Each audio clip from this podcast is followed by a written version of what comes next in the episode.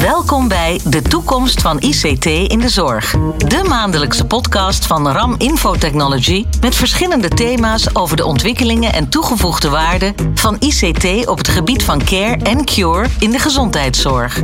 Welkom. We gaan weer van alles bespreken deze keer. Niet vanuit de studio op het Mediapark, maar vanaf het live Futureproof ICT-event van RAM IT in Baren. Iedere keer praten we over de ontwikkelingen in de branche. En het thema deze keer is het Futureproof ICT-event van RAM IT. Waar staat dat precies voor? En we bespreken het thema data voor de zorg en de toekomst van BI en data intelligence. Ik ben Martine Howard en vandaag gaan we hierover praten met Frederike Jacobs, ondernemer en medeoprichter van Smart Health, Herman Benema, managing director van Vectis en Niels van Peer, CCO bij RAM IT. Het nieuwe werken vraagt om een naadloze integratie van bestaande en nieuwe technologieën. In de podcast De toekomst van ICT in de zorg vertellen zorgprofessionals hoe zij dit realiseren. Alle drie, van harte welkom. Fijn dat jullie er zijn. Um, we gaan natuurlijk echt uh, met elkaar in gesprek uh, over de ontwikkelingen. Juist ook over data voor de zorg. En uh, nou ja, als we kijken naar business intelligence en data intelligence. Daar gaat natuurlijk ook echt het event over vandaag van RAM IT. Maar eerst om jullie beter te, te leren kennen. Frederike Jacobs, ondernemer en medeoprichter van Smart Health. Een, uh, een mooi initiatief, het digitale leefstijlplatform en kennisplatform ontwikkeld door medici en bedrijfskundigen en gemaakt voor zorgprofessionals, beleidmakers, ondernemers en consumenten. Klopt. Nou, ik moet nuanceren. Uh, niet zozeer een leefstijlplatform. Al publiceren we ook veel over leefstijl en hoe technologie kan helpen bij een gezonde leefstijl. Ja. Uh, maar we zijn echt een kennisplatform. Um, we, dat is uh, ik en twee medeoprichters inmiddels een, redactieteam. Um, ik ben Smart Health gestart tien jaar geleden ongeveer. Uh, omdat wij zagen er is veel behoefte aan informatie en kennis over digitalisering in de zorg. Er waren verschillende platformen uh, uh, en websites, maar er ontbrak nog één specifieke publicatie die echt zich daarop richtte. Dus vanuit daar zijn we gestart. Ja. en inmiddels met ons team verzorgen we lezingen, um, geven we presentaties, doen we onderzoek in opdracht van organisaties die zich met digitalisering bezighouden. Dus ja, de volle breedte van digitalisering in de zorg eigenlijk. Ja, waarom vind jij dit zo'n belangrijk onderwerp? Omdat het aan alles raakt. Hè. Data um, komt terug in, in, in primaire zorgproces. Dus de zorg die je krijgt bij uh, je eigen huisarts, je verloskundige, uh, de medisch specialist. Uh, maar het gaat ook over de kwaliteit van zorg in Nederland. Hoe we die beter kunnen krijgen met behulp van data. Mm. Um, het gaat over hoe we Nederland op topniveau kunnen houden in vergelijking met andere landen om ons heen. Dus ja, data raakt daar van alles. En um, nou ja, digitalisering vind ik gewoon sowieso een heel interessant fenomeen. Onze hele wereld digitaliseert. Dus uh, daar is veel over te vertellen. Ja, zeker weten. Uh, we kunnen eigenlijk niet meer zonder digitalisering wat dat betreft. Um, als we kijken, Herman Benema, Managing Director bij Vectus. Ook jij, van harte welkom. Fijn dat je er bent. als we kijken, Business Intelligence Informatiecentrum voor de zorg. En Vectus streamt uh, en biedt handige tools waarmee je operationele processen tussen zorgverzekeraars, zorgverleners en overheden slimmer georganiseerd kunnen worden. Ja, dat is één aspect van wat we doen. Uh, dan hebben we het over uh, bijvoorbeeld standaardisatie, waardoor zorgverzekeraars en uh, zorgaanbieders elektronisch um, kunnen declareren. Ja. Dat is de ene kant. Maar het mooie is, al die declaraties die binnenkomen en die betaald worden, die staan in een data warehouse. En op basis van al die data in het data warehouse kun je waanzinnige inzichten voor de zorg maken. En dat is de andere kant van wat wij doen. Ja, jullie creëren echt die inzichten. En daar hebben natuurlijk ook weer heel veel, nou ja, zorgprofessionals ook weer heel veel profijt van. Ja, als je kijkt naar een stukje historie. Wij, wij zijn allereerst opgezet door de zorgverzekeraars om um, eigenlijk hun data bij elkaar te brengen en dan maar zaken als risicoverevening te doen. Maar daar kun je zoveel mee met deze gegevens dat we van dataverzamelaar informatieleverancier zijn geworden voor de zorg. Primair voor zorgverzekeraars en um, de overheid, uh -huh. maar ook steeds meer voor zorgaanbieders. En daardoor krijg je de mooie situatie dat je niet meer allemaal je eigen analyses maakt en discussies krijgt over wie heeft de beste data. Nee, je kunt met verschillende brillen naar één werkelijkheid kijken. Wat mooi. Dus er ontstaan ook wel nieuwe soort samenwerking ook wel. Ja, er staan, ja, ja zeker. Ja. Ja, ja. En, en jullie maken echt van data van verschillende zorgorganisaties informatie. Dat klopt, ja. Ja, ja, dat is inderdaad ook een, een, een belangrijk iets. Uh, Niels, als we eventjes kijken, je bent natuurlijk CCO bij RAM IT. Dit is een bijzonder event voor jullie ook wel, hè? Zeker. Uh, en het is door corona allemaal even wat af, anders gelopen de afgelopen jaren dan gepland natuurlijk. Maar dit jaar voor de zevende keer. Uh -huh. een, een, voor, voor, ons een jaarlijks event, met name gericht op adviseurs in de zorg ICT. zorgorganisaties in uh, zorgorganisaties die bezig zijn met hun ICT. En uh, wij, uh, wij willen op deze manier ja, bijdragen door informatie te brengen van hey, wat speelt er nou allemaal, waar gaat het naartoe? Want er is vaak al veel meer mogelijk dan men weet of mensen gerealiseerd. En dit is echt. En ieder jaar kiezen we dus een ander thema. Ja. ja dit, en dit jaar dus data. Ja, waarom dit thema? Nou, ik denk dat Frederike dat al heel mooi heeft verwoord. Data raakt aan alles. Het raakt aan uh, ICT, maar het raakt ook aan de, aan de zorg, aan de inhoud van de zorg. Aan sturing geven aan, uh, aan de zorg. Dus het, het, het, het faciliteert, nou, inderdaad beter zorg kunnen verlenen. Maar ook, we zijn allemaal aan het vergrijzen in Nederland. Um, hoe gaan we zorgen dat we over 20 jaar nog steeds goed die zorg kunnen verlenen? ICT kan daarin helpen. -huh. En data is daar denk ik een heel belangrijk ingrediënt uh, in. Ja, ja. Hoe belangrijk is data op dit moment in de zorg? Ja, maar hoe kijk jij daarnaar? Nou, ik heb een, natuurlijk een ontzettend vooroordeel. Ik vind dat uh, data cruciaal is in de zorg. En eerlijk gezegd vind ik dat we er nog veel te weinig gebruik van maken. Er is heel veel data in Nederland en daar kun je waanzinnig inzichten uithalen. Je kunt kijken hoe kun je de zorg toegankelijk houden, betaalbaar houden. Hoe kun je kijken naar, naar kwaliteit. Zeker als je verschillende bronnen met elkaar uh, combineert. Het enige, de enige uitdaging is, uh, het gaat natuurlijk in de zorg allemaal over hele vertrouwelijke gegevens. Mhm. En um, het betekent wel dat je ook goede wettelijke grondslagen moet hebben. En die missen nog wel eens. Ja, ja. Frederike, hoe kijk jij hier naar? Ja, ik denk aansluitend op inderdaad wat hiervoor is gezegd. Um, data is eigenlijk de grondstof voor allerlei uh, toepassingen. En wat je dus ook ziet is dat er een uh, internationale data-industrie aan het ontstaan is. Uh, er wordt ook wel eens gezegd hè, dat we in een soort tijdperk van data-kolonialisme... of misschien wel technologie-kolonialisme leven inmiddels. Uh, waarbij die zorgdata niet alleen in Nederland interessant en van belang zijn... maar ook voor internationale partijen um, een hele grote troefkaart zijn... Um, dus daar gaan we het vanmiddag ook nog over hebben. Hoe gaan de grotere technologiebedrijven om met data? Um, welke kansen biedt dat, maar ook welke risico's heeft dat voor Nederland en in de Nederlandse zorgsector? Maar dat data het nieuwe goud is, dat staat volgens mij wel vast. En uh, daar kunnen we mooie dingen, goede dingen mee doen, maar daar moeten we ook heel voorzichtig mee zijn. Ja, ja, nou is het natuurlijk ook zo hè, dat voor heel veel mensen data ook nog vaak een soort theoretisch begrip ook blijft. Hè? En überhaupt ICT zorgt heel vaak altijd voor ja, mooie begrippen, maar dat ook echt in de theorie en in de praktijk toepassen, hè, dat, dat is altijd nog weer een, een, een tweede ding, zeg maar. Um, kun je een mooi voorbeeld geven wanneer data echt belangrijk is in de zorg? Ja, ik denk de complexiteit zit erin dat, dat data over heel veel. Um, uh, uh, aspecten gaat. Dus data gaat aan de ene kant over uh, nullen en enen, hè, computers die informatie opslaan, maar het gaat ook over de manier waarop systemen met elkaar praten of over de manier waarop zorgorganisaties met elkaar afspreken: hey, deze data zijn van belang, die gaan we met elkaar uitwisselen. Ja. Um, om het concreet te maken, data um, verzamelen we dagelijks allemaal. Hè. De Fitbit die ik draag, die verzamelt, uh, ik geloof, zo'n 8000 datapunten per dag. Uh, jouw smartphone heeft meer elektronica en meer data dan um, een computer uh, van 20 jaar geleden. Dus data, um, zelfrijdende auto's is een goed voorbeeld. Hè? Ook een soort enorme datafabriek. Dus op allerlei aspecten in ons leven wordt heel veel data verzameld door de, de, de technologieën die we gebruiken, die steeds gemeenschappelijker worden en we steeds meer in ons dagelijks leven gebruiken. Um, en tegelijkertijd zit er ook nog een, ja, een hele hoop complexiteit in het uitwisselen van data. En zeker in de zorgsector, waar uh, Herman inderdaad net ook naar uh, verwees. Um, ja, lopen professionals tegen een hoop obstakels aan als het om data delen en uitwisselen gaat. Ja, Niels, hoe, hoe kijk jij hier naar? Hè? Hoe vertaal je nou echt de theorie naar de praktijk? Nou, hele goede vraag. En uh, uh, Herman uh, gaf net al aan, er is al veel meer mogelijk dan heel veel mensen uh, denken. Dus enerzijds is het denk ik bewustwording van, van wat er al mogelijk is. Yeah. Uh, anderzijds uh, wet en regelgeving.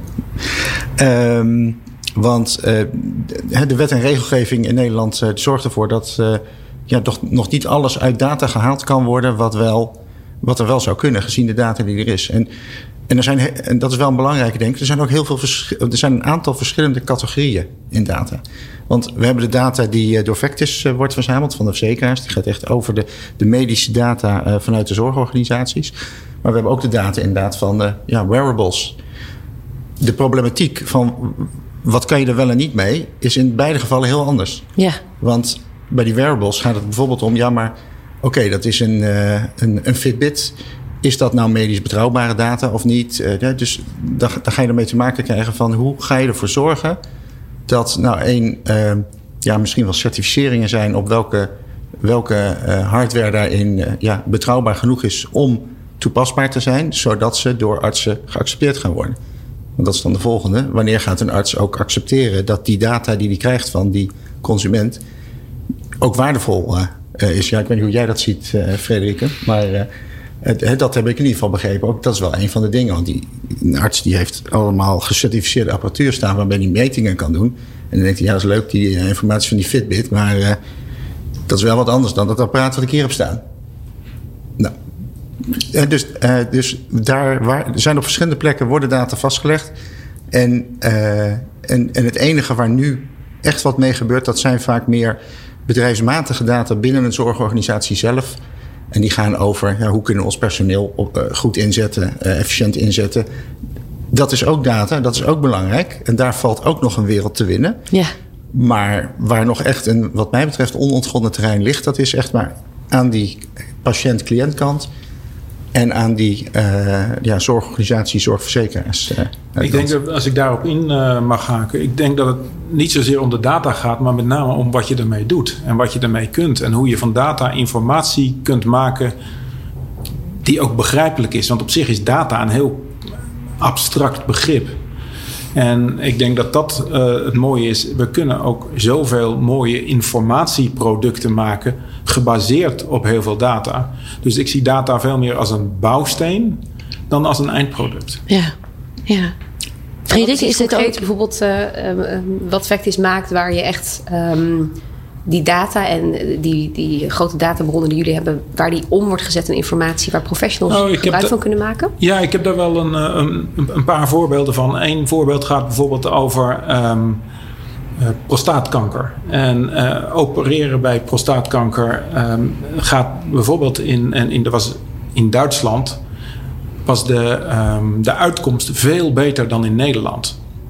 En uh, we hebben onderzocht waar dat hem in zat. En dat betekent dat we alle uh, patiënten die geopereerd zijn voor prostaatkanker, hebben de gegevens voor bij elkaar gebracht en hebben we gekeken naar um, correlaties. En uiteindelijk kwam daaruit dat het onderscheid tussen wel en niet goed uh, een goede uitkomst zat in hoe vaak een operatie werd uitgevoerd door een team. En dat ligt, lijkt heel erg voor de hand te liggen. Maar in dit geval hebben we dat echt zo goed kunnen aantonen. Dat hebben we overigens samen gedaan met de medisch specialisten. Dat ze op basis daarvan de richtlijnen hebben aangepast. Waarbij het minimum aantal keren eerst 20 was en toen naar 50 en toen naar 100 gegaan. En daar heb je echt mooie resultaten, omdat de zorg beter wordt. Ja, dat is een, inderdaad een heel mooi voorbeeld. Ja, het, uh, ik heb een keer ergens gehoord en ik vond dat wel een hele ja, een eye-opener. Iemand die zei inderdaad, uh, uh, het gaat niet om, om de data inderdaad, wat jij zegt. je moet er informatie van maken, maar het gaat om het stellen van de juiste vraag. want je, je kan uit data alle informatie halen die je maar, weet, maar wilt. Maar als je de verkeerde vraag stelt, krijg je ook niet de goede antwoorden. Ik denk dat dat in het hele leven zo is. Ja, ja, ja dat is het, hè? Die, die schakel weten we nog minder goed te maken, zeg maar. Dat, maar daar hopen we natuurlijk wel naartoe te kunnen gaan, wat dat betreft. Nou, we, we praten heel vaak over data. En um, aan de ene kant ook over de angst van stel dat de data op straat komt. Uh, dat is de ene kant, dan gaat het over data. Maar de andere kant, stel dat je die informatieproducten niet maakt.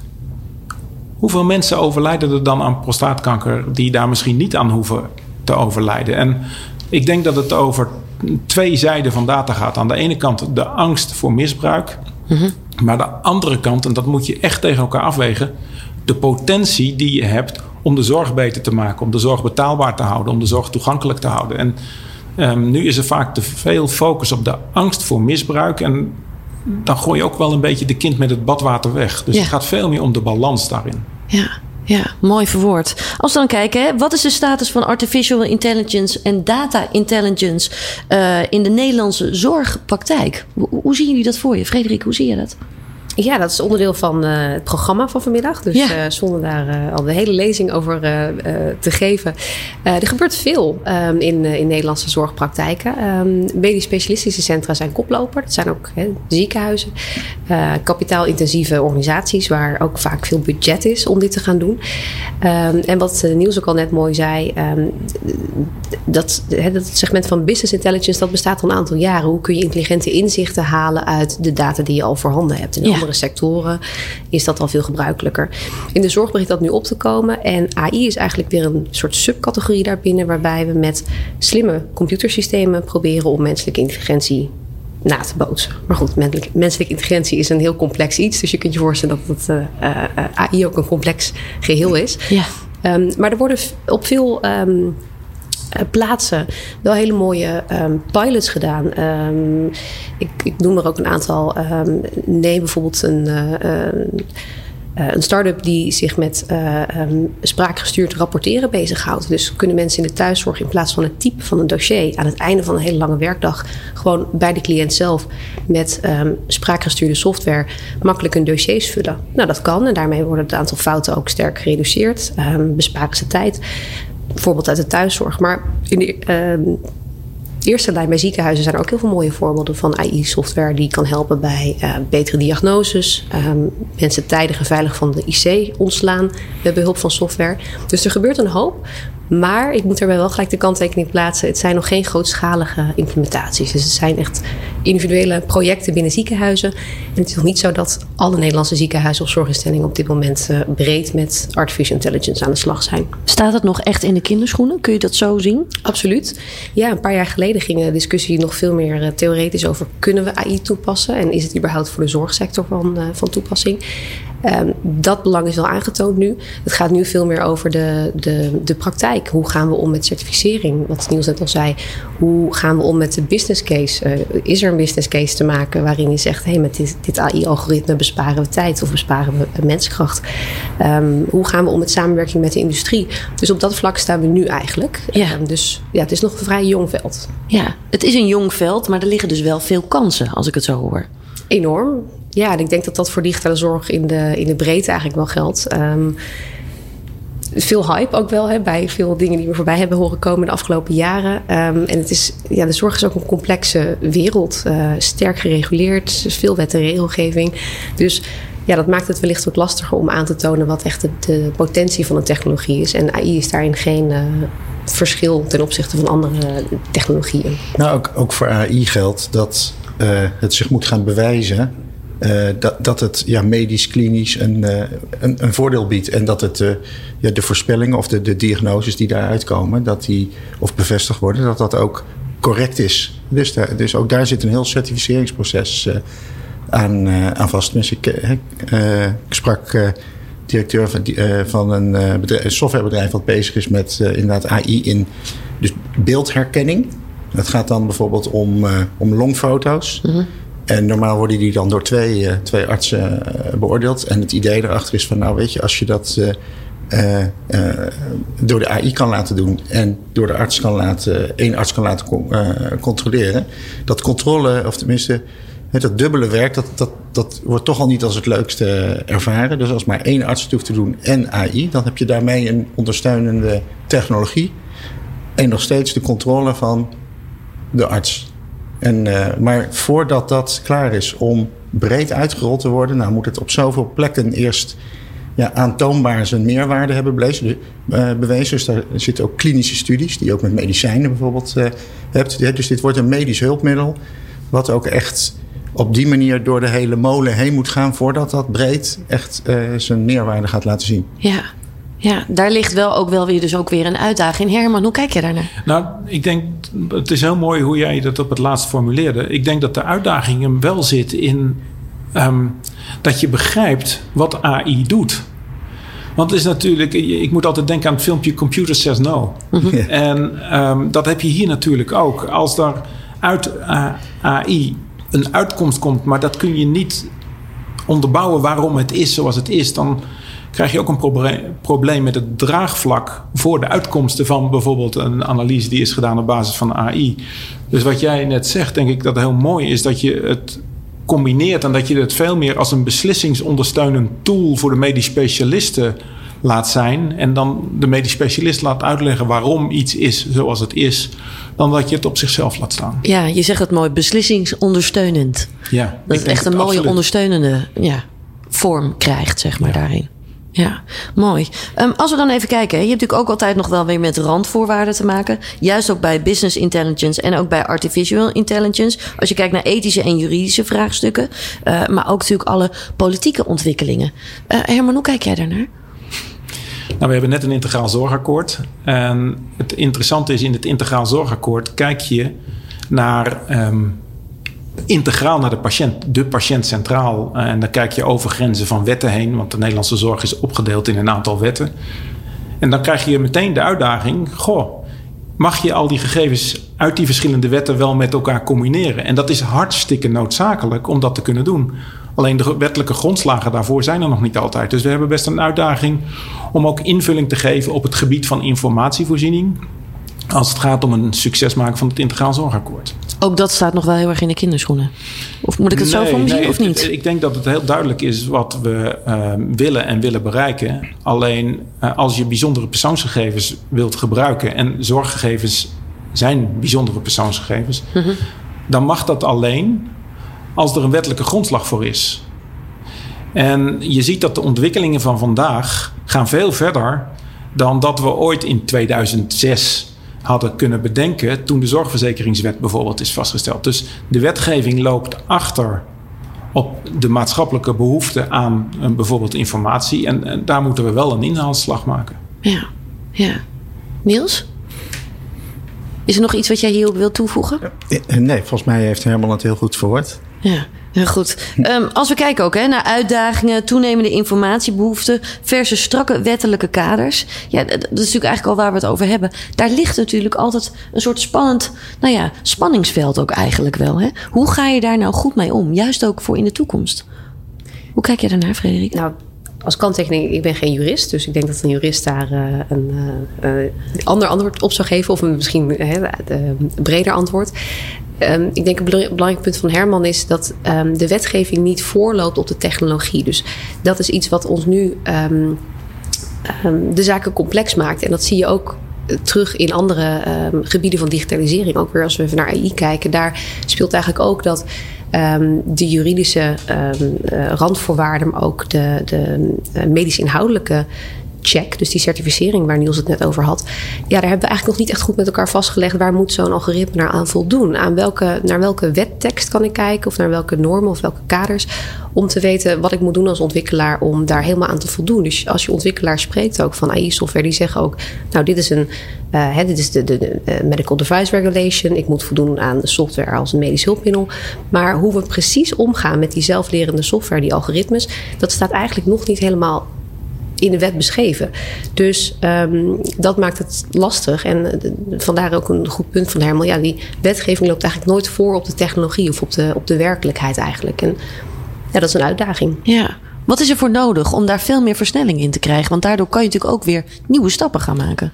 Ik denk dat hier een paar, voor, een paar dingen voor nodig zijn. Um, VWS weet dit probleem. En uh, als je kijkt waar ze nu mee bezig zijn, is zorgen dat in het primaire proces data kan worden uitgewisseld. En ik denk dat het belangrijk is dat we dat als eerste gaan regelen. Mm -hmm. Want dat is uh, hoe artsen ook met elkaar hun uh, gegevens delen. Maar ondertussen moet je ook gaan nadenken over het secundaire proces en dat je dat soort data kunt delen. En wat je ziet is dat er ook, waar ik net ook over had, ook wel angst is voor um, bijvoorbeeld misbruik. Dus ik, ik, denk dat, dat er een paar zaken moet gebeuren. Enerzijds dat de wetgeving moet worden aangepast. Uh, natuurlijk, uh, als je verruimt, moet dat wel binnen goede kaders. Maar aan de andere kant moet je ook duidelijk kunnen maken aan de maatschappij wat je mist als je dit niet doet. En nu ligt de focus op: stel je voor dat de data op straat komt. -hmm dan uh, worden mensen in hun persoonlijke belang geschaad. Overigens in potentie, want uh, enige tijd geleden heeft de GGZ, of de GGD, is een datalek geweest. Dat was wel een probleem, maar de vraag is hoeveel mensen zijn er door dat datalek daadwerkelijk in hun persoonlijke levenssfeer uh, geraakt. Aan de andere kant staat de kansen die je voor het gebruik van data hebt. En ik denk dat we te weinig um, voorbeelden laten zien van wat er eigenlijk kan als je de data op een goede manier gebruikt. En wat je dus mist als je dat niet doet. Ja. En kan uh, anonimisering van data uh, daarbij uh, bij helpen? Want ik weet dat dat voor wetenschappelijk onderzoek al veel gebeurt. Ja, um, maar dan zitten we met een juridisch vraagstukje. Als jij een niet geanonimiseerde dataset anonimiseert, is dat een verwerking. En voor die verwerking heb je een grondslag nodig. Anonimisering maakt de kans dat uh, misbruik wordt gemaakt heel klein. Dus dat zijn van maatregelen die cruciaal zijn. Want je wil niet dat de analyses naar een individu herleidbaar zijn. Maar ook het anonimiseren is een bewerking. Dus daar moet een doelbinding aan vast zitten. En daar moet een uh, wettelijke grondslag voor zijn om dat te kunnen doen. Ja. Die wet moet nog wel uh, opgesteld worden. Um, ja en nee. Ik denk dat we voor een deel naar uh, aanvullende wetgeving moeten gaan. Maar voor een deel zou je ook kunnen kijken hoe kun je nou de wetgeving die er nu al is op een goede manier uitleggen. En daar heb je ook VWS voor nodig. En inderdaad, wat je net zei, Herman, vind ik ook een hele belangrijke. Het publieke debat gaat nu veel over de angst voor verlies van data, datalekken, schending van privacy. En de potentie van data, daar hebben we het eigenlijk veel te weinig over. Dus ik denk dat we als um, zorgsector en als maatschappij ook daar veel meer aandacht aan zouden moeten besteden. Het feit dat je gegevens letterlijk levens kunnen redden. Dat het bijdragen van jouw data aan wetenschappelijk onderzoek kan bijdragen aan nieuwe inzichten. Ja. Dat is iets wat een gemiddelde patiënt, waar ze niet echt bij nadenken, maar als je het uitlegt, Um, ik geloof ruim 80% wel zegt, natuurlijk wil ik daar aan bijdragen. Dus dat, die wil is er zeker. Alleen we moeten wel veel meer werken aan de bewustwording en het bewustzijn dat die data echt ja, letterlijk van levensbelang zijn om de sector gezond te houden, maar ook om ons ja, de, de zorg de toekomst in te loodsen. Ja. Is, die, is die beleving in Nederland nou fundamenteel anders dan elders op de wereld? Dat durf ik niet te zeggen. Um, ik denk dat er wel veel onderzoeken naar zijn. Dus ik denk dat dat ongetwijfeld uh, in Europees verband uh, in ieder geval onderzocht is. Weet ik voor die, uh, de discussie rond de European Health Data Space. De, mm-hmm. de, nieuwe wetgeving die eraan komt. Dus er is vast veel onderzoek naar. Ik, ik weet zelf niet of er substantiële verschillen zijn tussen Nederland ten opzichte van Duitsland of, of Scandinavië bijvoorbeeld. Ik hoorde wel vorige week op een congres dat. Um, uh, een spreker van de Deense uh, Health Data Authority, dus de Deense Gezondheidsdata-autoriteit. Die hebben wij overigens niet hè, in Nederland. Dus het feit dat wij die niet hebben is ook al een ding. Um, die gaf aan, wij hebben een, hele hoge, uh, een high trust society. Dus we hebben een, een, over, een gemeenschap. Burgers hebben een hoog vertrouwen in onze overheid. En dat maakt dat de uitwisseling van data via hun nationale infrastructuur eigenlijk heel ja, al, ik geloof al 25 jaar um, gemeengoed is. Mensen weten niet beter dan dat je data gewoon bij iedere zorgverlener um, beschikbaar is. En ook toegankelijk voor onderzoek, voor innovatie. Dus dat vond ik een interessante, dat concept van die High Trust Society. Wij scoren daar wat lager uh, schijnt. Klopt, dat bleek ook uit corona. Tenminste was Denemarken ook het voorbeeld... waar juist dus heel veel vertrouwen was in de maatregelen van de overheid eh, in het kader van corona. Ja. in dat kader is het wel interessant. Wij hebben uh, iets niet gedaan wat in Denemarken wel is gebeurd. Um, toen corona begon en we nog beperkte uh, aantallen vaccins hadden, stond, ontstond de vraag wie moet nou die vaccins als eerste krijgen. We hebben dat aan de oude mensen gedaan, maar de vraag is, hadden die dat nodig of hadden we daar slimmer naar kunnen kijken? En we hebben toen geprobeerd om de gegevens van Stichting NICE, dat is de registratie van IC's, en van RIVM en Vectis bij elkaar te brengen. Om te kijken of we op basis van die gecombineerde data eh, mensen of groepen konden identificeren die je als eerste zou uh, vaccineren. Daar hebben we geen wettelijke grondslag voor gevonden en het is niet gebeurd. In Denemarken hebben ze dit gedaan en zijn ze gericht te gaan vaccineren. Ja.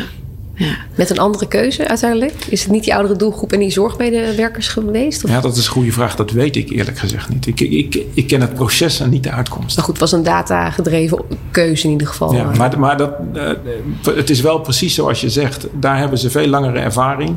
En daar hebben ze een systeem waarbij je, als je er niet aan mee wilt doen, kunt zeggen dat je er niet aan mee wilt doen. Ja. En in Nederland is, kijk je, kijken we meer van de andere kant. Ja, wat dat betreft is er nog werk aan de winkel. Steeds meer in kansen gaan denken. Uh, daar is natuurlijk ook dit event ook wel weer voor opgezet. Juist om kennis met elkaar te delen, elkaar te inspireren, ook naar mogelijkheden te kijken.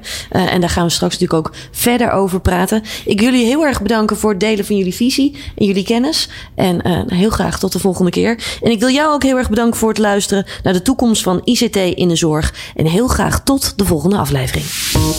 Dit was de toekomst van ICT in de zorg. Een podcast van RAM Infotechnology, de cloud service partner voor zorgorganisaties. Bezoek voor meer informatie over ICT in de zorg onze website ram-it.nl. Volgende maand is er weer een aflevering van De toekomst van ICT in de zorg. Graag tot dan.